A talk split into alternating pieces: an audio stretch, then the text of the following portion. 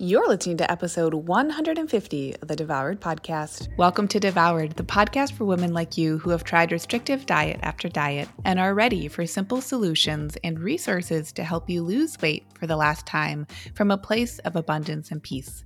If you're looking to end the yo yo of comfort eating and rigid weight loss protocols and instead step into living your life on your terms while losing weight in the process, you're in the right place.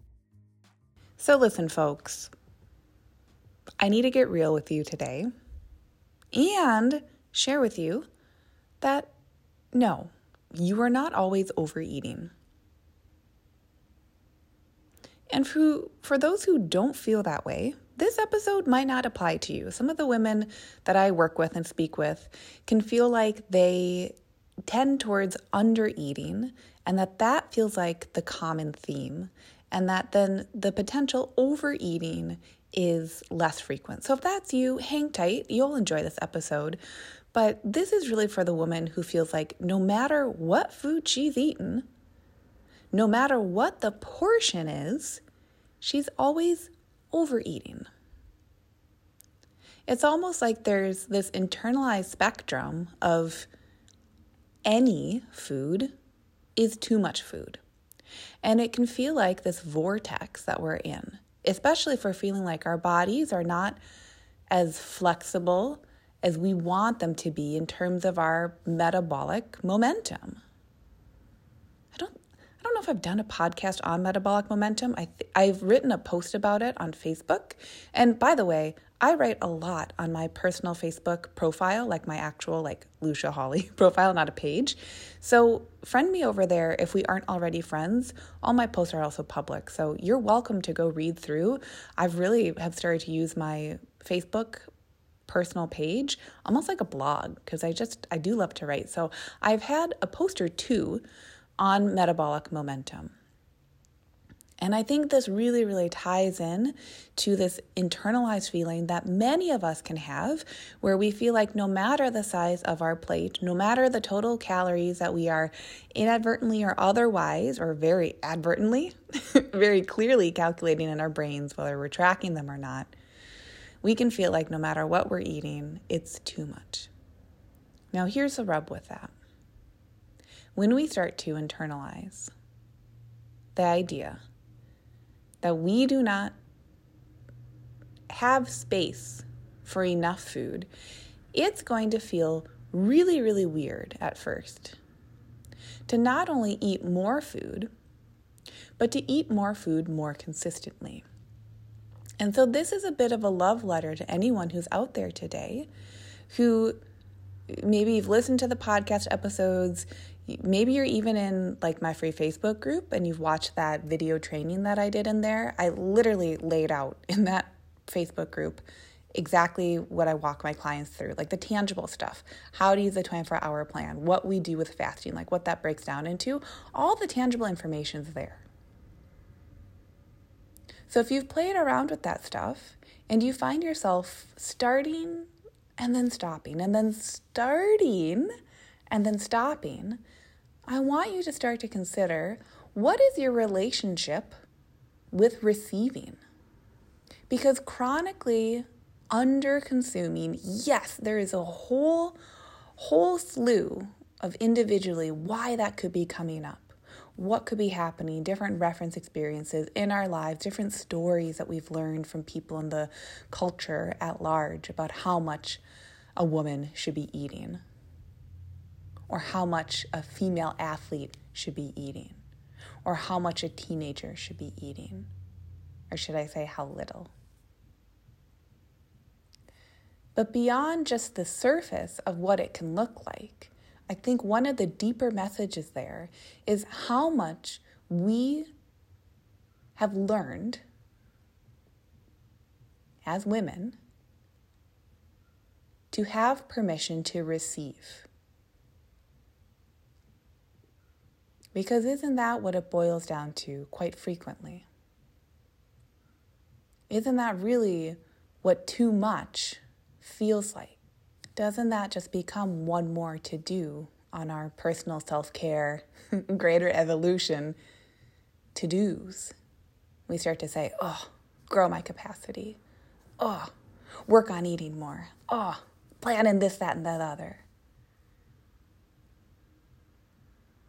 What if instead of feeling like there is a lack within us as we're exploring these subjects, what if instead of even feeling like this is now an opportunity to dive even deeper into ourselves, what if this is all a process of coming home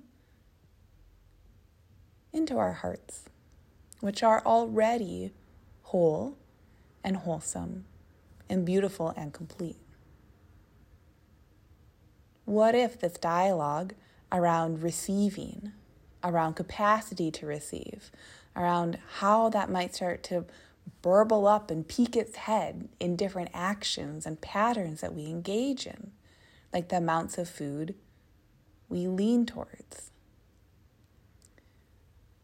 What if instead of feeling like that's another tangible, I gotta do it? What happens if we just let it be, and if that is what we are allowing our nervous systems to start to feel safety around. Like, I really want this just to be a space to be with and within today. Yes, there can be a culture that women have grown in and yes, we can be dismantling the patriarchy. I have lots of my thoughts on that. But what if it's not one more tangible action? Like, yeah, actions can be coming out of it, but what if it's really about shifting just how we're being with ourselves? Meaning, how we're noticing and tending to any little bit and piece and nook and cranny of ourselves. Because isn't that what a lot of this boils down to? Isn't that why there is the big hype of diet culture and what it's trying to perpetuate, right? A perfect body, perfect BMI, a perfect human, a perfect woman, a perfect whoever, all the identities.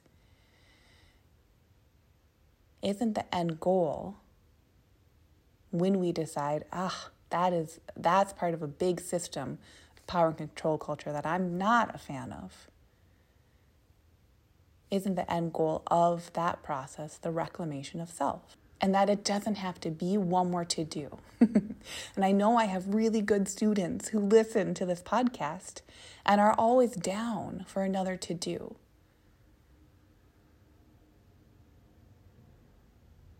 But maybe today, it's not about doing less or doing more or having a whole spectrum of doing or not doing.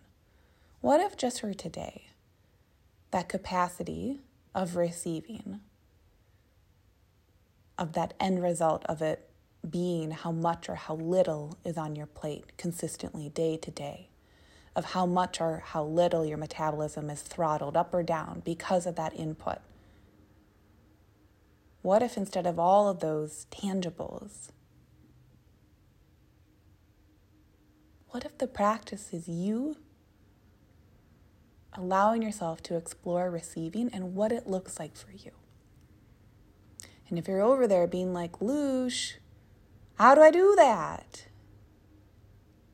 What if part of the process is playing and playing with what receiving means to you and noticing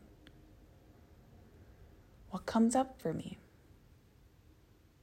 How do I love that? How do I honor that? What would happen if I asked myself about receiving tomorrow, too?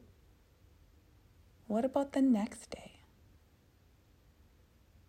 What about the play and the curiosity around receiving would I like to invite into my life this week? What if the whole process of weight loss gets to be from that energy? I think you'll find that to be very potent and very eye opening and loving if you'd like to start to invite some of those questions into your journey this week. So I hope you all have a wonderful day, and I'll catch you on the next episode. Did you know you can find more support from me on my website? Go to Lucia Hawley, L U C I A H A W L E Y dot com to connect.